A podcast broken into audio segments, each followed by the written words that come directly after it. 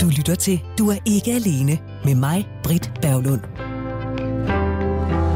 Hvis du har lyttet med her hen over sommeren, så har du også hørt vores lille sommerferieserie om sommerforelskelse. Det sidste program i serien, det handlede om, når forelskelse går over i kærlighed. På et eller andet tidspunkt, så er der så også en risiko for, at der går hverdag i den. Forholdet det er måske blevet en vane, der er praktik i hverdagen, der er brækker, der skal passe sammen, og pludselig så opdager man, at man måske har mistet den dybere kontakt med sin partner. Derfor handler det her program om, når der går hverdag i den. Vi skal tale om øh, sexlivet. Måske bliver det mindre eksotisk og knap så ofte. Hvad betyder børn for vores parforhold? Og så er der det der med ensomhed. Hvordan kan man undgå at blive ensom i sit parforhold? Det skal vi også tale om. Det er sådan cirka køreplanen for de næste par timer. Og nu kan det være, at du tænker, øh, hvad, er det ikke et program for og om singler? Øh, jo, det er det.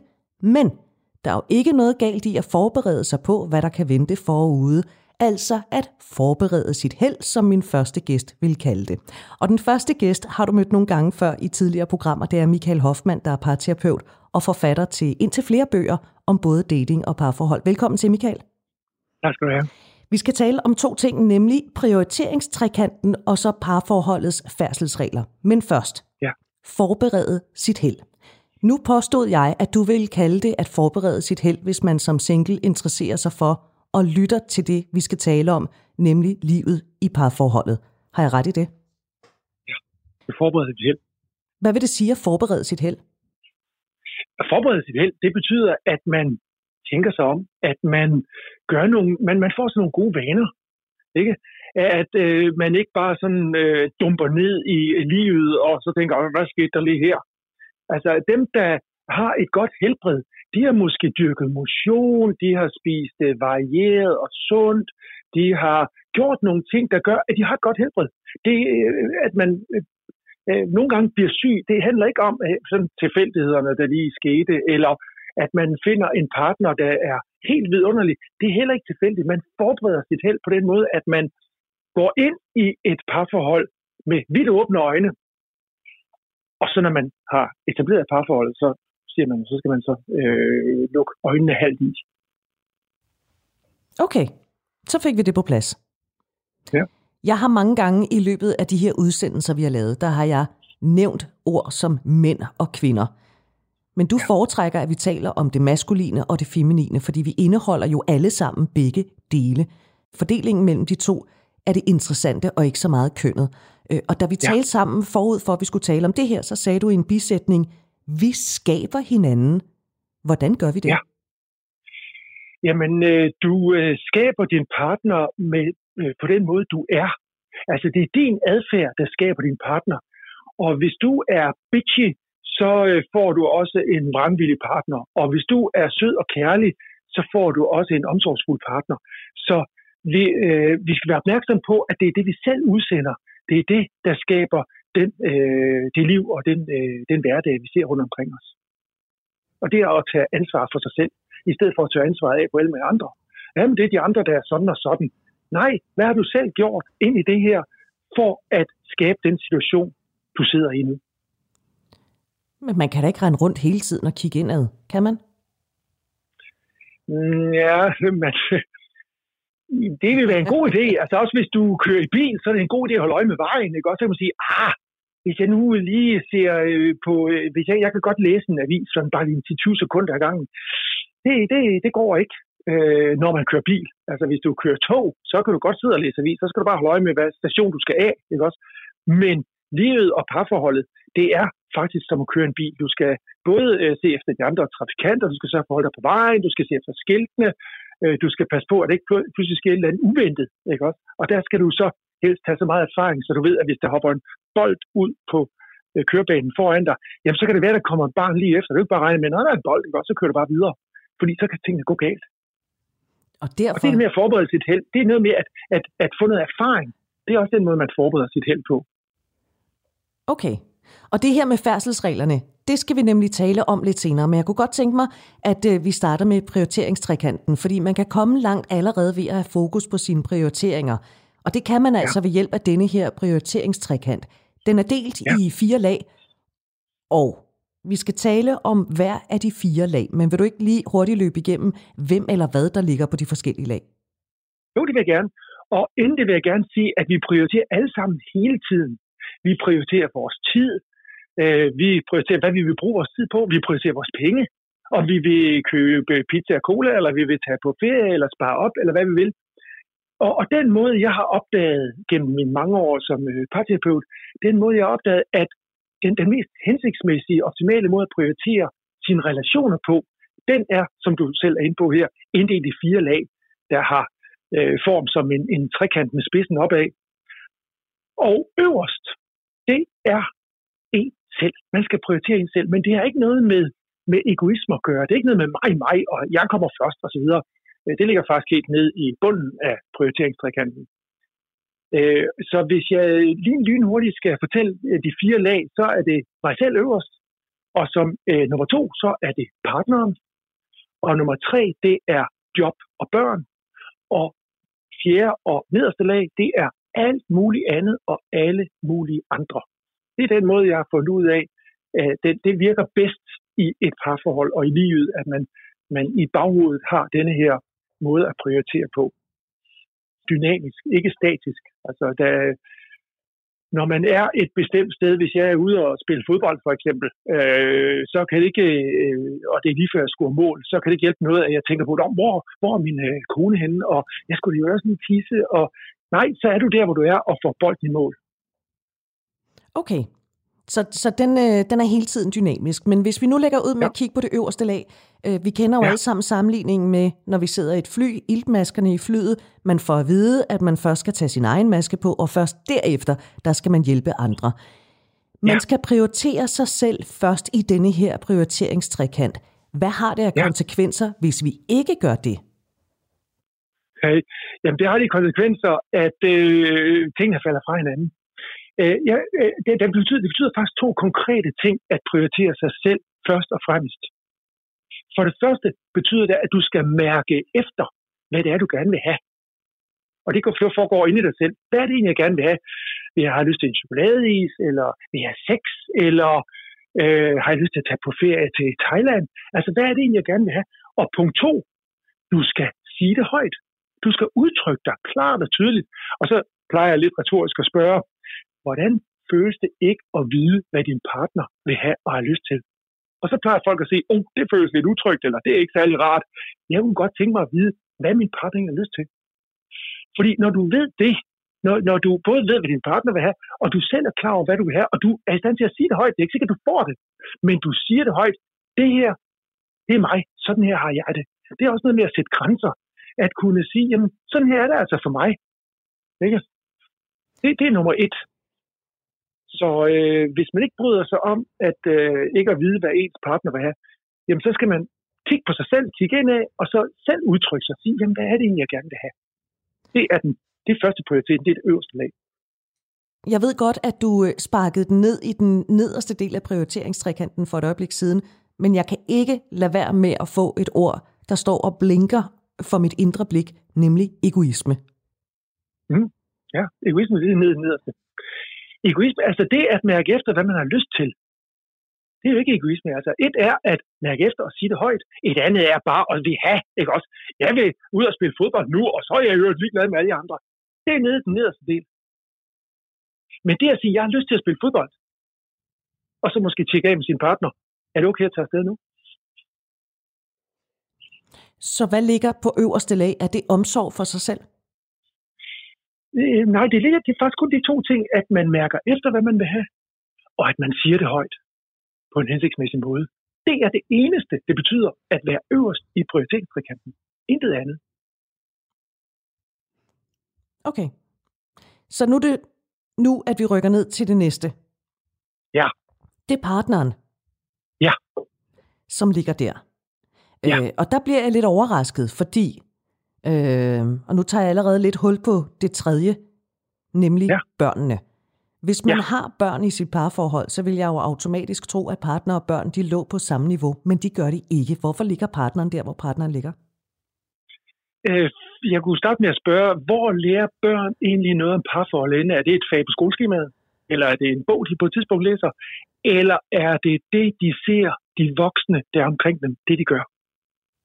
Ja, det, det er jo så det sidste. Og hvis de ser, hvis de ser at, øh, at partner bliver nedprioriteret, jamen så er det også det, de kommer til at gøre. Og så kunne vi risikere både skilsmisse og alt muligt. Og jeg plejer også lidt retorisk at spørge, hvordan føles det at blive ignoreret af sin partner? Så siger de fleste, at det er ikke spor rart, og det er meget ubehageligt. Jamen, hallo, derfor skal du prioritere din partner før alle mulige andre. Ja. Men hvad nu, hvis man er ude i, fordi det er, der er jo mange, der lever med dine og mine børn.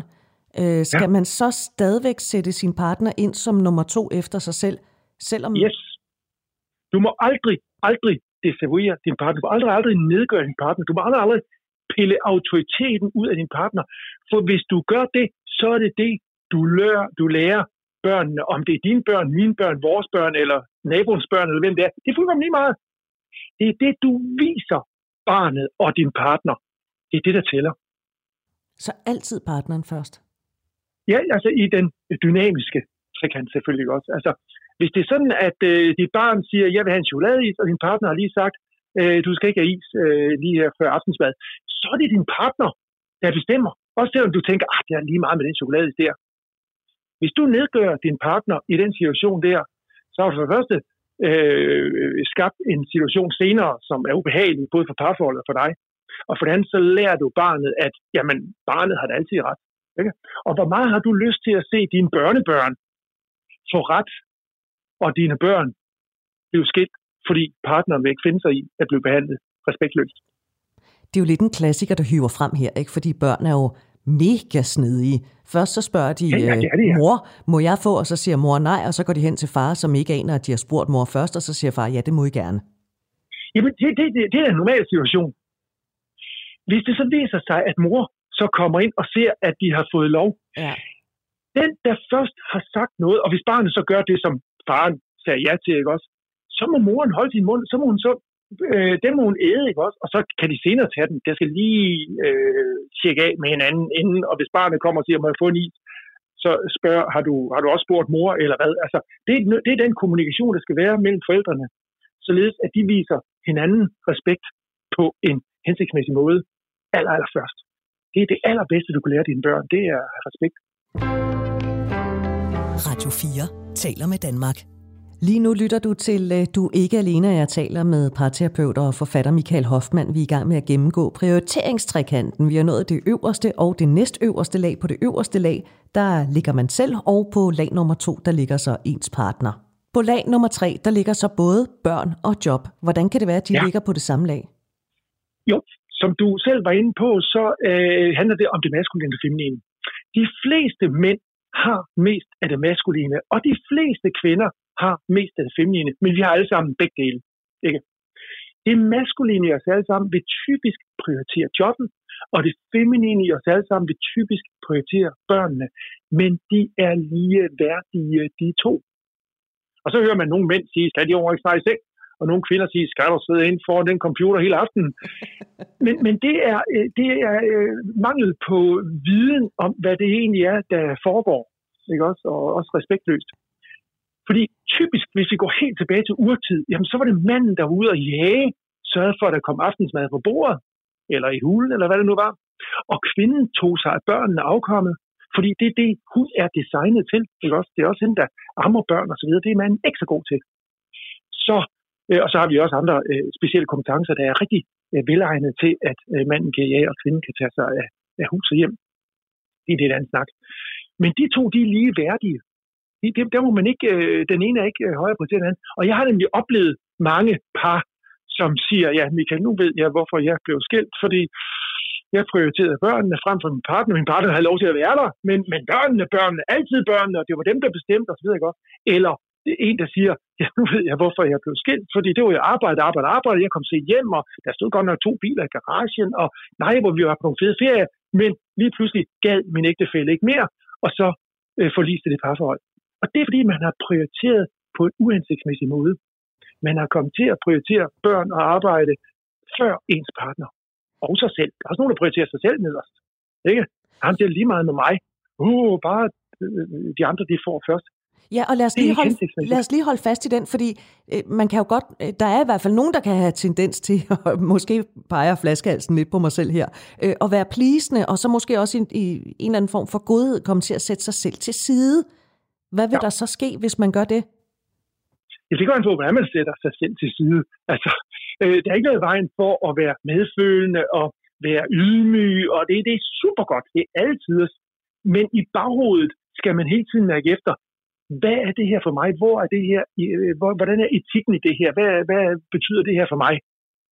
Og så skal man have en virtuel arm om sin ægtefælle, og lige tjekke af med vedkommende, god koordination osv. Og så kommer henholdsvis på tredje lag børn arbejde. Hvis det er sådan, at øh, chefen ringer og så siger, kan du ikke lige tage en weekendvagt? Så skal man kunne sige, lige et øjeblik, jeg har en aftale med min kone, jeg skal ikke på nogen weekendvagt. Eller børnene, der siger, nu øh, vi skal i Tivoli. Nej, helt ærligt, det skal vi ikke, fordi sådan og sådan og sådan. Altså, det, det er øh, også almindelig pli i øvrigt. Men er det ikke svært at navigere i, i lag 3, hvor børn og job kommer ind på samme plads? Jeg vil jo altid tro, at man som forældre vil sætte sine børn over øh, alt andet. Jamen, det er der nogle forældre, der gør, og det har så også nogle konsekvenser. Altså, det er jo, det er jo et valg, vi træffer, ikke? Altså, i, i bund og grund, så er der kun fem ting, vi er nødt til. Resten i livet, det er valg. Vi er nødt til at trække vejret, vi er nødt til at drikke, vi er nødt til at spise, vi er nødt til at komme af med det igen, og vi er nødt til at sove. Det er, det, det er de eneste fem ting, vi er nødt til. Alt andet er valg. Vi vælger selv øh, det tøj, vi vil gå i, dem vi bliver sammen med, vi har selv valgt det job, vi har, vi har selv valgt den måde, vi bruger vores penge på. Jamen, alting er valg, den måde, vi spiser på. Jamen, selv at være her i livet er et valg. Der er nogen, der vælger at tage fra, enten ved at spise piller eller hoppe ud for en tog. Det er et valg. Og øh, den, den bedste måde at lære på her i livet, det er, at vi kan se en sammenhæng mellem vores valg og deres konsekvenser.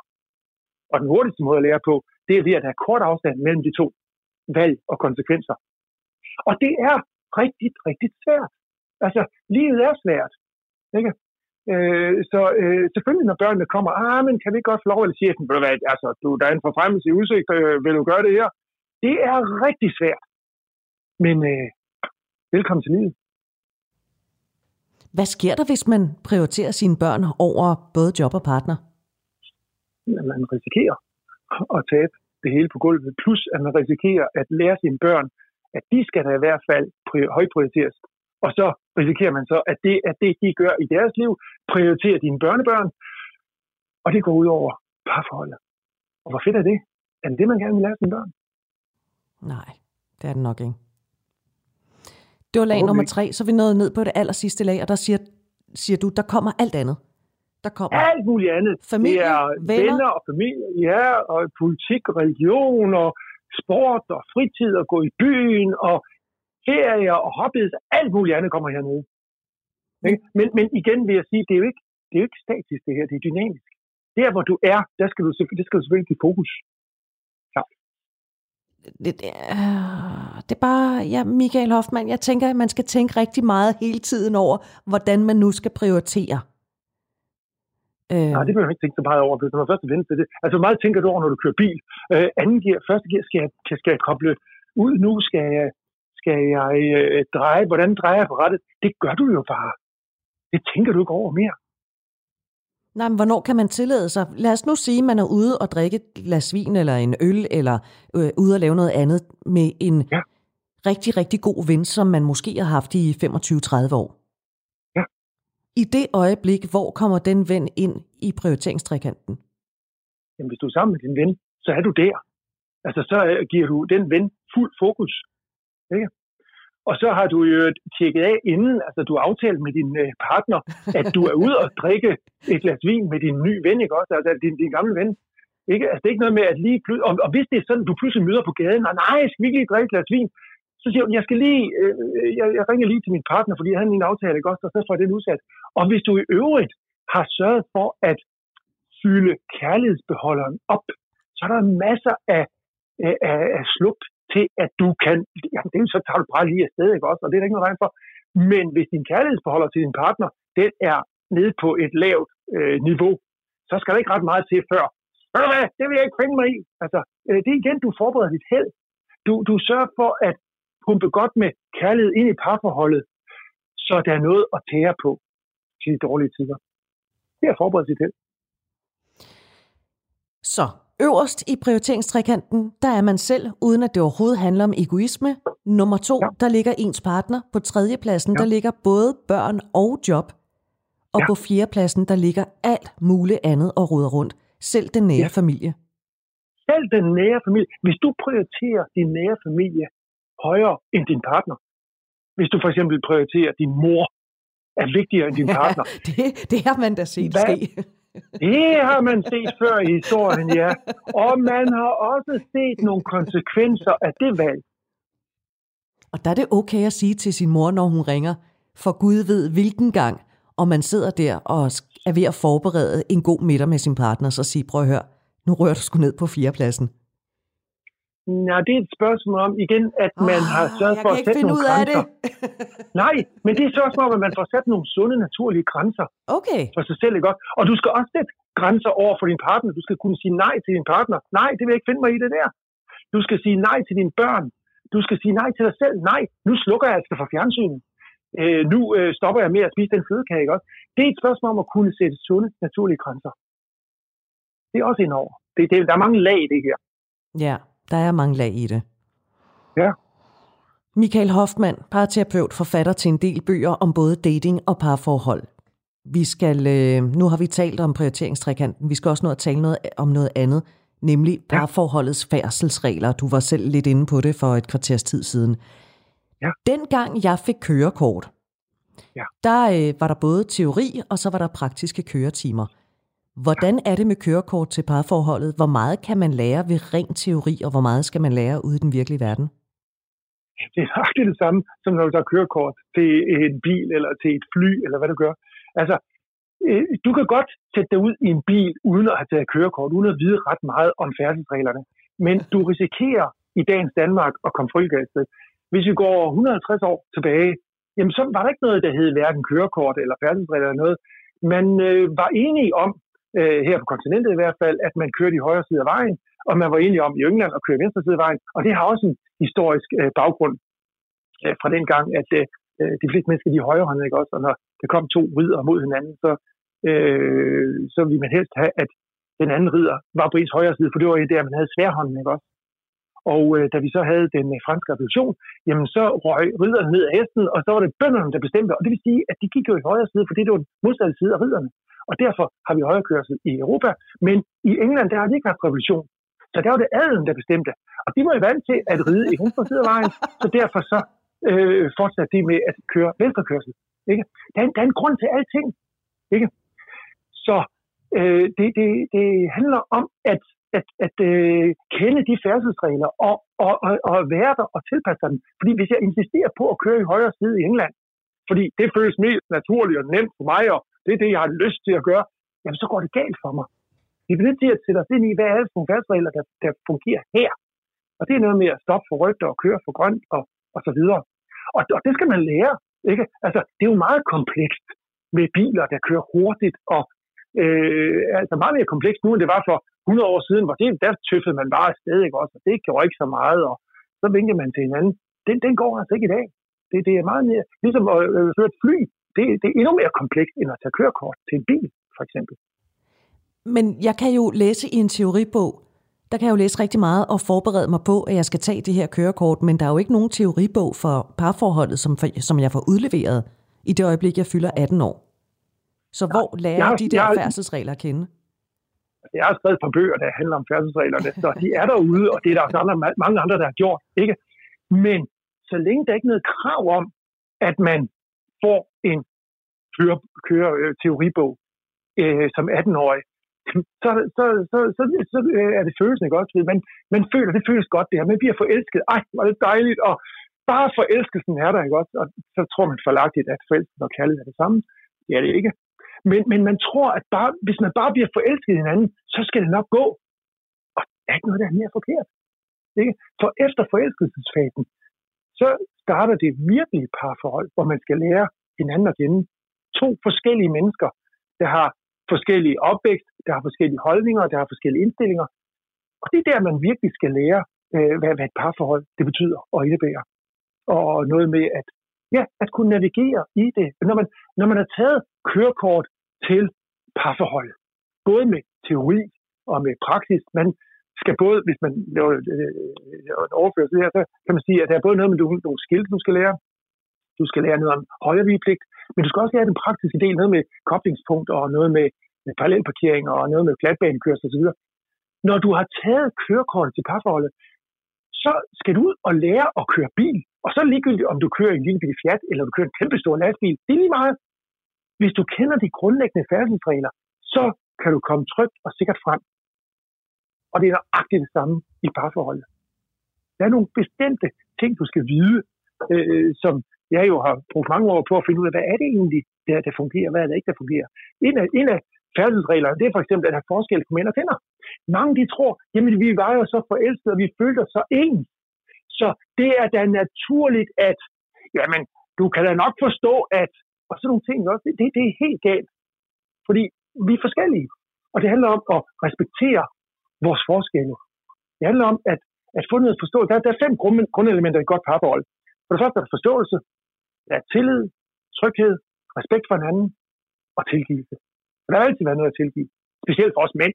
Vi kvejer os hele tiden. Så øh, forståelse, forståelse, det er utrolig vigtigt. Og, og man kan kun forstå ved, at man kommunikerer med hinanden. Altså ikke bare udveksler øh, ord og holdninger, men virkelig sætter sig ind i, hvordan er det for den anden. Så meget, så det giver mening for hende. Altså, når, når, når det giver mening for begge to, så har vi forståelsen, og så er vi på rette spor. Altså, det gælder ikke med, at, at hvis vi tager en skolesituation, øh, læreren giver lektier for, og det giver fin mening for læreren, at du skal lære nogle tyske verber. Hvis det ikke giver mening for eleverne, så vil de ikke lære det, og så kan de ikke lære det. Eller på den anden side, en elev, der bare rejser sig, fordi eleven skal i gården. Jamen, hvis det ikke giver nogen mening for læreren, at eleven rejser sig, så bliver han gal og siger, sæt dig ned og så videre. Jamen, eleven skal det kommunikere. Jeg har brug for at gå i gården. Jeg skal tisse. Ikke? Og det giver mening for læreren. Fint, værsgo, du må gerne gå. Du får så, det til at lyde så simpelt, men det er det jo i virkeligheden ikke, når først man sidder i det. Det er både enormt simpelt, og det er utrolig komplekst. Ikke? Og det er også at køre bil. Altså, ja, det er der ikke mange ben i. Du drejer rettet og drejer på speederen, ikke også? Og så kører det ud af. Og så, når vi kommer dybere ned i det, så er det ret komplekst. Men, men det er igen erfaring. Altså lige så vel som du kan lære at øh, køre bil, så kan du også, også lære at navigere i parforhold og få det til at fungere. Du lytter til Du er ikke alene med mig, Britt Berglund. Og jeg taler med Michael Hoffmann, der er forfatter og parterapeut, og vi taler om, når der går hverdag i den i parforholdet. Og Michael, der er lige en ting, jeg er nødt til at høre dig om, som du skriver i din bog Partner for livet. Der skriver du, ja. at en af de mange regler, færdselsregler, der er i parforholdet, det er, at man ikke må lave sin partner om. Nu talte jeg i vores øh, sommerserie med en af dine parterapeutkolleger, nemlig Vibeke Lemvig Nielsen fra Terapi Fyn, om at øh, det vi bliver forelsket i, det er ofte også det, der så siden kommer til at irritere os rigtig meget. Det er simpelthen ja. så dejligt, at han er så løs på kanten, og der er ikke noget, og herre Gud og sådan noget. Og lige så snart der så er gået et år til halvanden, så er det også skide irriterende, at han altid kommer 10 minutter for sent, fordi han ikke ja. har styr på sit liv. Ikke? Øhm, ja. Det lyder rimelig uhensigtsmæssigt, at vi forelsker os i det, vi senere får lyst til at lave om. Hvordan håndterer man det dilemma, når man ikke må lave hinanden om? Men det er jo en læringsproces. Altså, det er noget med at lære at være rummelig. Det er noget med at lære at acceptere og respektere hinanden for forskellighederne. Ikke? Altså, øh, faktisk så er det en fordel, at vi er forskellige i parforholdet. Øh, fordi der er, øh, lad, lad os tage et eksempel. Øh, øh, der er en øh, mand og en kvinde, den ene er øsel, og den anden er nærig. Mm. Det første år, de er sammen, der skal de spare sammen til ferien, og det er den øsle, der har fået øh, opgaven at spare penge sammen. Så når de kommer frem til ferietidspunktet, så er der ikke en krone at holde ferie for, og så er det nære, der skal finde en eller anden discountferie og holde ferie Så, Det bliver ikke nogen særlig sjov ferie. Det næste år, der bytter nøjagtigt de samme to mennesker, de bytter roller. Og nu er det nære, der skal spare penge sammen. Og den øh, nære sparer og sparer, og den næste siger, ah, skal ikke gå i byen i aften, der, der er en, en vældig god restaurant. og så siger den nære, nej, vi skal spare penge sammen og den øsle respekterer den nære, og sådan er det bare. Så kommer de frem til et ferietidspunkt, og så er der masser af penge at holde ferie for. Og så er en øsle, eller en ekstravagante, der skal finde ferie, og det bliver fem stjerne hotel, og det bliver øh, med øh, helikopterundervisning, og den nære siger, ah, kan du ikke godt nøjes med 60 af hotel? Nej, siger den øsle, vi skal bare trykke den max af, og den nære respekterer den øsle. Hvilken type ferie tror du, de får det andet år? Må det ikke blive sjovt? Fest og farver? Jo. Fuld knald på. Ja. Og det er nok de samme mennesker, de har bare fundet ud af at fordele rollerne, og de er i stand til at respektere partneren, som det partneren er. Men hvis Michael Hoffmann, prøver at lave den om, jamen Ja. hvis du har en partner, som bare hele tiden gør noget, som er skide irriterende kunne man så ikke godt forvente af sin partner, at vedkommende så lige retter lidt ind? Jo, det kan du, hvis du får kommunikeret ordentligt med partneren. Det der med, at du nærmest tror, at din partner er tankelæser, og partneren må du kan fust, må da kunne forstå, at det her det er irriterende, og du kan da nok se, at man kan da ikke bare komme 10 minutter for sent. Jamen, I skal kommunikere med hinanden. Det var også det, jeg sagde. Det handler om forståelse. Og forståelse er at kommunikere med hinanden, så man kan, så det giver mening for hinanden. Og der er nogle helt bestemte, jeg kalder det rammer, man kan kommunikere indenfor. Der er en, øh, en ramme til, hvis din øh, øh partner er helt ude og vimle og rasende og sur osv., jamen så er der et, et øh, værktøj, et kommunikationsværktøj, jeg kalder surfing, hvordan du får din partner til at falde ned på jorden igen.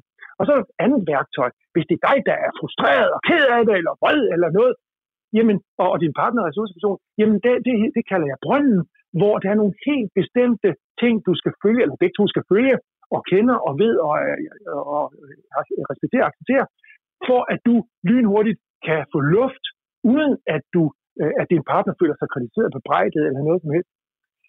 Og der er også nogle andre med forventningsafstemning, nogle helt bestemte kommunikationsregler, du skal følge, for at i kan komme igennem med tingene, at I kan få udtrykt jer klart og tydeligt, at I kan blive forstået, at I kan føle jer forstået, og at du kan forstå din partner.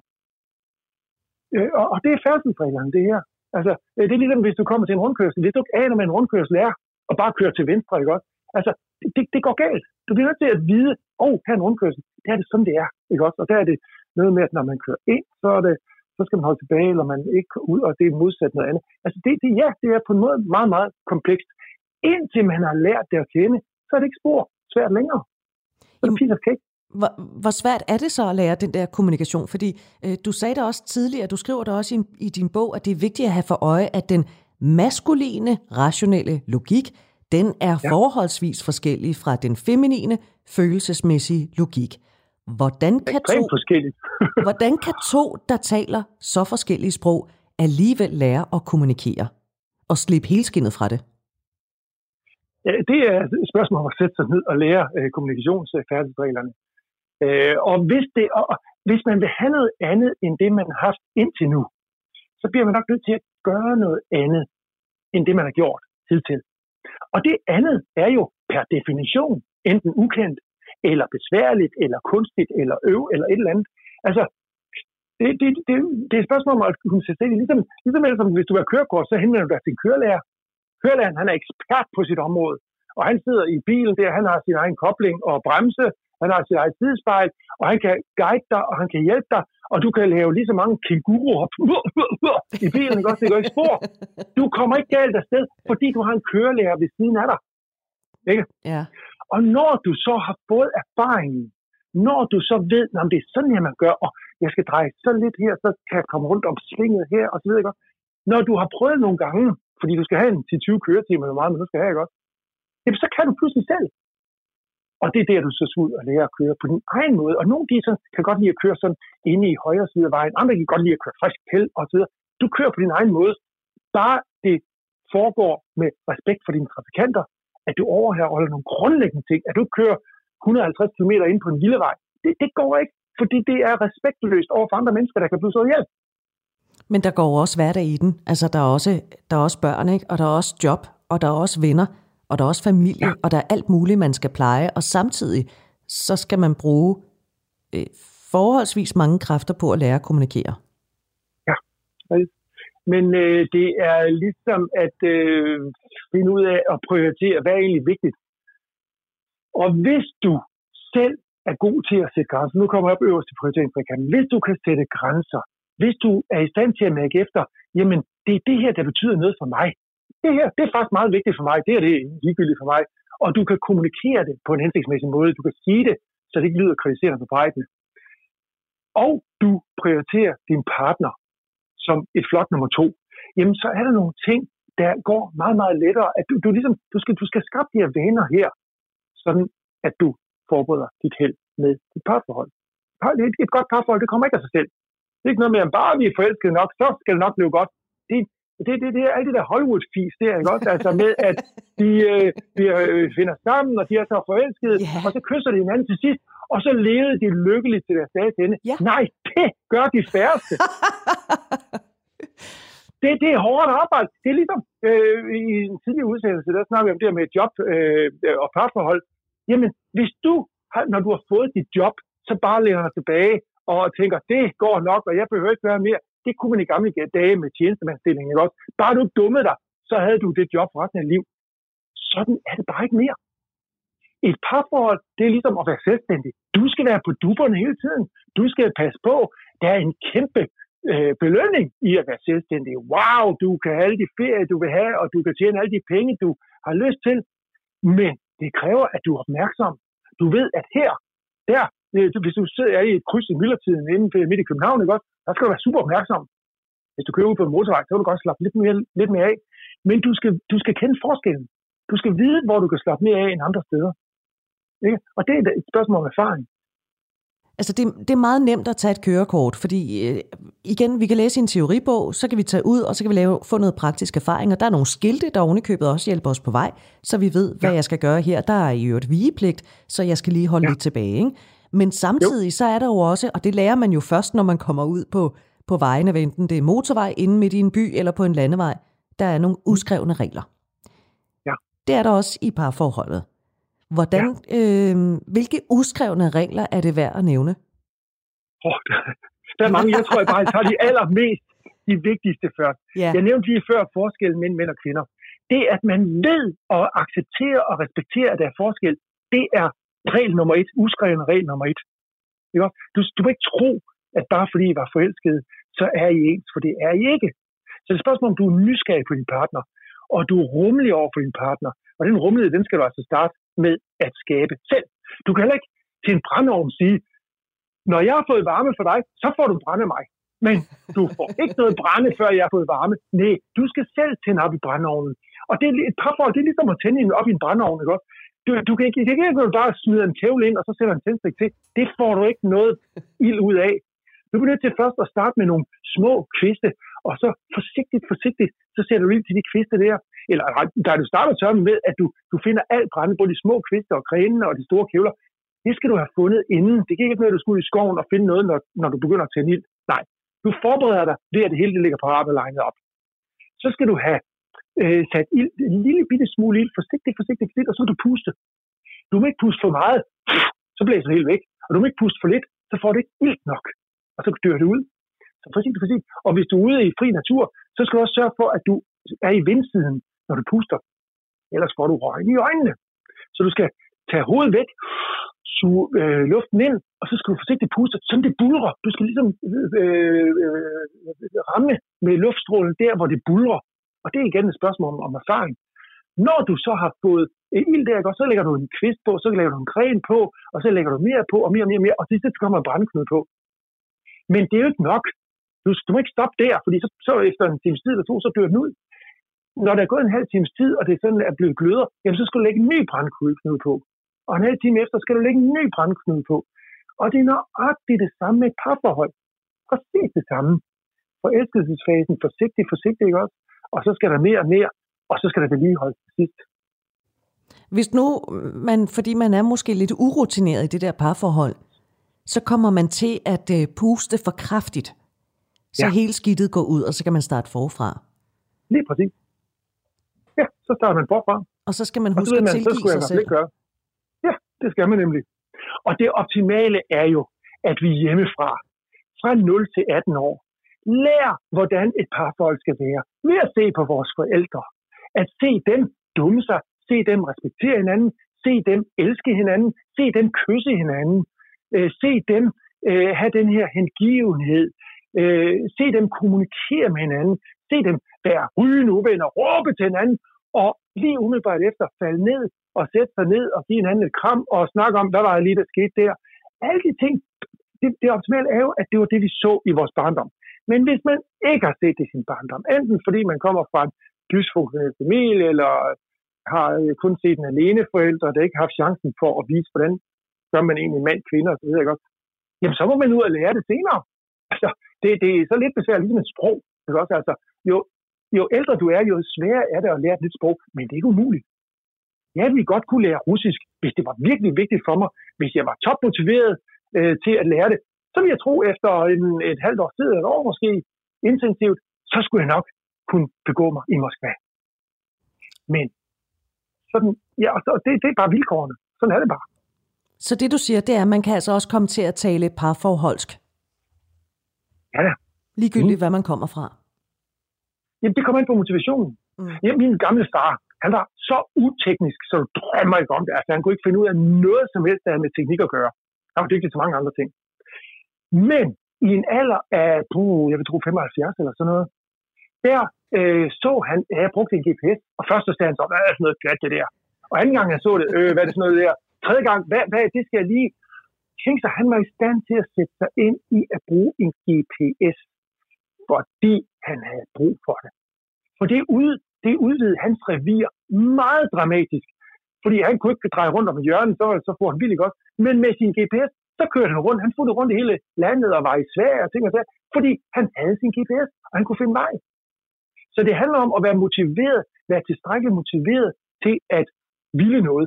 Og det kan, du kan enten være motiveret til at vi hen til noget, der er godt, eller væk fra noget, der er ubehageligt. Det sidste, det er, hvis din partner siger, nu vil jeg snart skilles, for jeg gider ikke det her mere. Så kan det være, at du bliver motiveret til at lære nogle nye færdigheder. Eller at du ser nogen have et rigtig godt og dejligt, kærligt parforhold. Så siger du, sådan et parforhold vil jeg også have. Hvordan får jeg det? Og igen, hvis du vidste i forvejen, så gjorde du jo det, der skulle gøres for at få det gode parforhold. Men når man ikke ved det, så må man finde ud af det på en eller anden måde. Enten ved at læse bøger, eller se, hvordan de andre gør, og prøve sig frem, eller ved at gå i parterapi. Det er den hurtige måde, altså ligesom hvis du tager kørekort. Det er lynhurtigt at lære øh, færdighedsreglerne, eller tage på sprogkursus, hvis du vil lære et sprog. Du kan også lære det bare ved at gå rundt og snakke med folk. Det, også, det, det tager bare meget længere tid. Ikke? Jeg er glad for at høre, at vi alle sammen kan lære at tale parforholdsk. Så har ja. jeg sådan lidt jeg taget betragtning af, hvor mange der går fra hinanden, og hvor mange der også bliver skilt. Øhm, så håber jeg, at vi kan få nedsat den der procentsats i løbet af, af de kommende år, fordi den har jo bare været, ikke stødt stigende, men den har jo bare ligget der i, i hvad, 20 år eller et eller andet. Er der håb ja, for, at vi bliver bedre til at være i, i parforhold? Ikke mindst efter øh, den her coronakrise her. Altså det, jeg ser øh, som parterapeut, er jo øh, efter øh, hjemmekarantæne og nedlukning og ting og sager, at de parforhold, der gik godt, de, at de går endnu bedre under og efter øh, hjemmekarantænen. Mens de parforhold, som gik så nogenlunde eller ikke så godt, de er gået meget, meget værre. Altså alting er blevet meget, meget tydeligt i den her ekstreme situation, vi har haft. Og der, der er min fornemmelse, at dem, for hvem deres parforhold er gået helt galt, de er blevet topmotiveret til enten at blive skilt, eller gøre noget ved deres parforhold. Og det er jo dejligt. Og så kan man kigge på de parforhold, der går rigtig godt, og så sige, hvad er det egentlig, de gør anderledes end alle mulige andre, der gør, at de har det så godt, som de har det. Og så lærer jeg dem, ikke? hvad det, de gør. Og man må gerne suge på andres erfaringer. Absolut. Det er ikke noget vejen for. Det gør du også, når du tager kørekort. Så suger du også på en hel masse menneskers erfaring. Jo, jo, det har du selvfølgelig ret i. Det er lidt irriterende, du hele tiden nævner det kørekort, fordi nu kan jeg jo forstå alt, hvad du siger. Det er så dejligt, det der med, at man bare kan sige, jeg forstår ikke, hvad du siger, så kan man i øvrigt frelægge sig et hvert ansvar. Men øh, det kan jeg ikke her, kan jeg høre. Michael Hoffmann, øh, tak fordi du vil fortælle om prioriteringstrekanten, og ikke mindst de her færdselsregler. Man kan jo altså læse meget mere i, i bøger, også i dine bøger. Jeg nævnte den der partner for livet. Der er i hvert fald... Øh, kapitler om både trekanten og så også de her færdselsregler, både de klare regler og de uskrevne regler. Tak for det, Michael. Velkommen og selv tak. Du lytter til Radio 4. Og du er ikke alene, hvor vi i aften sådan lige samler op på vores øh, sommerferieserie på tre programmer, der alle handlede om sommerforelskelse. Det første, det handlede om øh, adfærd. Hvad sker der med os, når vi kaster lange blikke efter en anden og bliver forelskede? Nummer to, det handlede om, hvorfor er det, at nogle af os altid føler, at vi rører ind i, i gåsøjne de forkerte, at det er et mønster, man kan bryde. Ja, det kan man godt. Det handlede program nummer to om. Og det tredje og sidste program i serien, det handlede om, når forelskelse går hen og bliver til kærlighed. Og det er det program, vi lige samler op på i aften. For når først vi er kommet i et fast parforhold, så er der en risiko for, at der kan gå hverdag i den. Jeg har sådan i løbet af de første næsten tre kvarter her i dagens program talt med Michael Hoffmann, der er parterapeut og forfatter. Vi har talt om prioriteringstrekanten. Det er vigtigt, man prioriterer i sit parforhold. Og så har vi også talt om parforholdets færdselsregler, eller bare nogle enkelte af dem. Og nu vender jeg mig så mod noget, som umiddelbart ikke rimer på parforhold, nemlig ensomhed – Måske har du ligesom jeg mødt mennesker i parforhold, siger, at de lige så godt kunne være alene. Faktisk ville det måske være nemmere at være alene, for selvom man er i et parforhold, så kan man godt være ensom. Ensom i parforholdet. Det handler om kontakt, og nu skal du møde Sten Kruse, der er par- og familieterapeut. Velkommen til, Sten. Tak skal du have. Vi mødes. Vi forelsker os, vi bliver kærester, vi flytter måske sammen, og inden vi har set os om, så er der gået hverdag i den. Yeah. Du har mødt mange mennesker på din vej, og par på din vej i din tid som øh, par- og familieterapeut. Sådan helt overordnet, rigtigt. hvor opmærksomme er vi på, at når forelskelsen den er klinget af, og det gør den jo, ja, så kan der altså godt gå hen og, og gå lidt hverdag i den. Øhm, det, det kan jeg sige to ting om. Altså, jo yngre man er, øh, jo mindre opmærksom er vi på, at, at der kommer en tid efter forelskelsen. Øhm, og jo ældre vi bliver, eller jo flere partnere vi har haft igennem vores liv, jo mere øh, har vi lært lektien, kan man sige, fra, fra tidligere parforhold. Men, øh, men generelt vil jeg nok alligevel sige, at øh, det ligger i at tro på, tro på øh, den øh, eneste ene, eller at, at det vil blive øh, rigtig, rigtig godt, eller at lige nøjagtigt de to, vi kan bare blive ved med at, at holde kærligheden levende mellem os. Det, det tror jeg er en del af forelskelsen også, så selvom man måske har prøvet at være i kæresteforhold flere gange og er, er nået godt op i årene, ja, så, så synes jeg alligevel, at jeg møder par, som, som kan blive forundret over, at, at den her fantastiske tid, den bliver afløst af øh, trivialitet og ensomhed og kedsomhed, og hvad nu man kan, kan kalde tiden efter forelskelsen. Og det vil på en eller anden måde, synes jeg, altså, øh, på en eller anden måde, så er det jo ret charmerende i virkeligheden, at vi så glemmer det der med, at der kan gå hverdag i den, ikke? Men yeah. omvendt, så kan det også ramme os lidt i nakken. Det, det, kan, det kan ramme os lidt i nakken på den måde, at, øh, at hvis, vi, øh, hvis vi har en lidt naiv forestilling om, at øh, den rigtige kæreste eller den rigtige partner vil kunne føre os igennem livet uden de store, øh, uden de store bekymringer eller provokationer eller øh, trigger, som der jo kan være i parforhold. Hvis, hvis vi kan øh, have sådan lidt en naiv øh, tro på, at, at øh, den findes derude, ja, så kan vi altså godt glemme, at, øh, eller i hvert fald ikke være tilstrækkeligt opmærksom på, at på et tidspunkt, så bliver, så bliver det hverdag igen, og så skal vi til at holde, holde parforholdet hvad kan man sige, levende på, øh, på en anden måde, eller på en ny måde. Og det er så der, vi skal begynde at arbejde for det? Ja, det, det, øh, det vil de fleste sige, at, at, øh, at der kommer det i hvert fald ikke af sig selv. Det, øh, det er jo det, man kan sige om, om, om forelskelsen. Det er, at den kommer jo ofte af sig selv, og de her gode følelser, de, de melder ligesom deres ankomst, uden at de behøver at arbejde for det. Men, men når vi kommer ind i det længerevarende parforhold, ja, så, skal vi, så skal vi faktisk tage stilling til, hvordan vil vi, hvordan vil vi pleje vores parforhold, hvordan vil vi, hvordan vil vi Øh, tage vare på, på den gode kontakt imellem os og på kærligheden imellem os. Fordi den vokser altså ikke ud af, af ingenting. Og, øh, og nogle gange øh, siger jeg sådan om parforhold, at, at det er den relation, der er aller vigtigst for de fleste mennesker, men det er den, vi bruger mindst tid på på, øh, på den lange bane. Så vi kan godt ligesom tænke, at øh, vi må give arbejdet, hvad arbejdet skal have, og vores øh, venner og veninder, og, og, øh, og hvad vi nu ellers øh, går og laver i fritiden, det skal også have øh, deres øh, tid. Og så skal vi jo nok få tid til vores partner til sidst. Men sådan er det bare ikke altid. Og, øh, og hvis vi har nedprioriteret eller underprioriteret samværet med vores partner eller vores familie over tid, jamen så kommer relationen også til at bære præg af det. Så kommer relationen til at bære præg af en, af en øh, relation, vi ikke rigtig øh, synes siger os noget måske, eller eller en anden side af det, det er, at, at vi synes, vi, øh, vi har med nogle konflikter at gøre, som gentager sig igen og igen. Det er en, det er en anden form for udfordring, vi kan få i vores parforhold, at, at vi ligesom synes, vi ryger ind i den samme trummerum, øh, hvad konflikter angår. Og, øh, og begge dele kan jo føre til ensomhed, som, som er mit tema her. Altså ensomhed, ensomhed som kan føles øh, øh, og opleves meget øh, voldsomt, fordi man netop er i et parforhold og har nogle forestillinger om, at, øh, at der skal man da ikke opleve ensomhed, at, øh, at vi ligesom skal komme hjem til den her partner, der, øh, der står og venter på os, og, øh, og vi har en masse at fortælle hinanden, og en, og en masse gode ting, vi gerne vil udveksle med hinanden, så kommer det ligesom bag på os, eller i hvert fald bliver chokerende for mange af os, hvis vi kommer hjem, og den her relation ikke bare fungerer.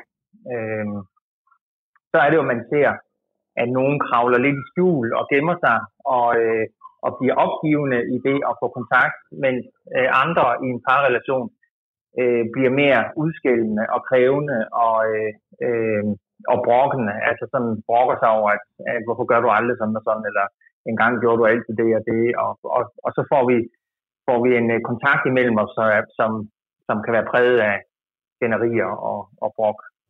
Og, øh, og begge tilstande fører til, fører til en form for ensomhed, øh, hvor vi mister kontakten til den anden.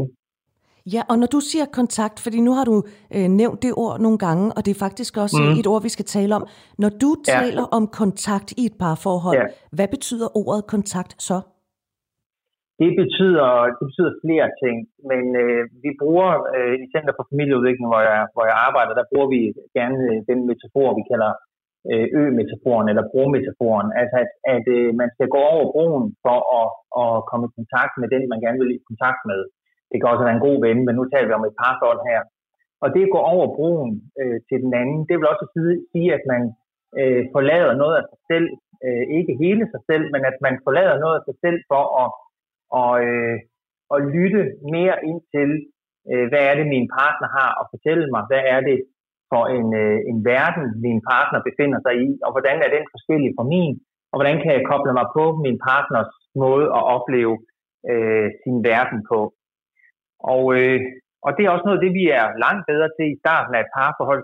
Og det er faktisk noget af det, vi skal øve os på, øh, når man taler om kontakt i det langvarige parforhold. Det er, hvordan kan vi blive ved med at have lyst til at være i kontakt med en, vi ikke altid er enige med.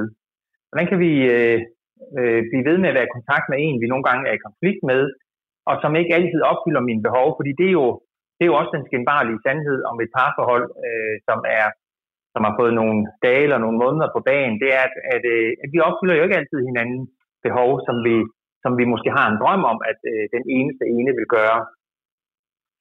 Så når, vi, øh, så når vi taler om kontakt, så er det altså en, en øh, villighed til at ville, ville sætte en parentes om sig selv, som man kan sige, øh, sætte en parentes om sin, sin egen virkelighed, og så forlade sin egen virkelighed for en stund for at bevæge sig over i den andens virkelighed og høre, hvad er de gode grunde til, at du har det, som du har det, eller at du er ked af det, hvis du er ked af noget, eller at du er vred, øh, hvis du er vred over noget. Hvad er de gode grunde til det?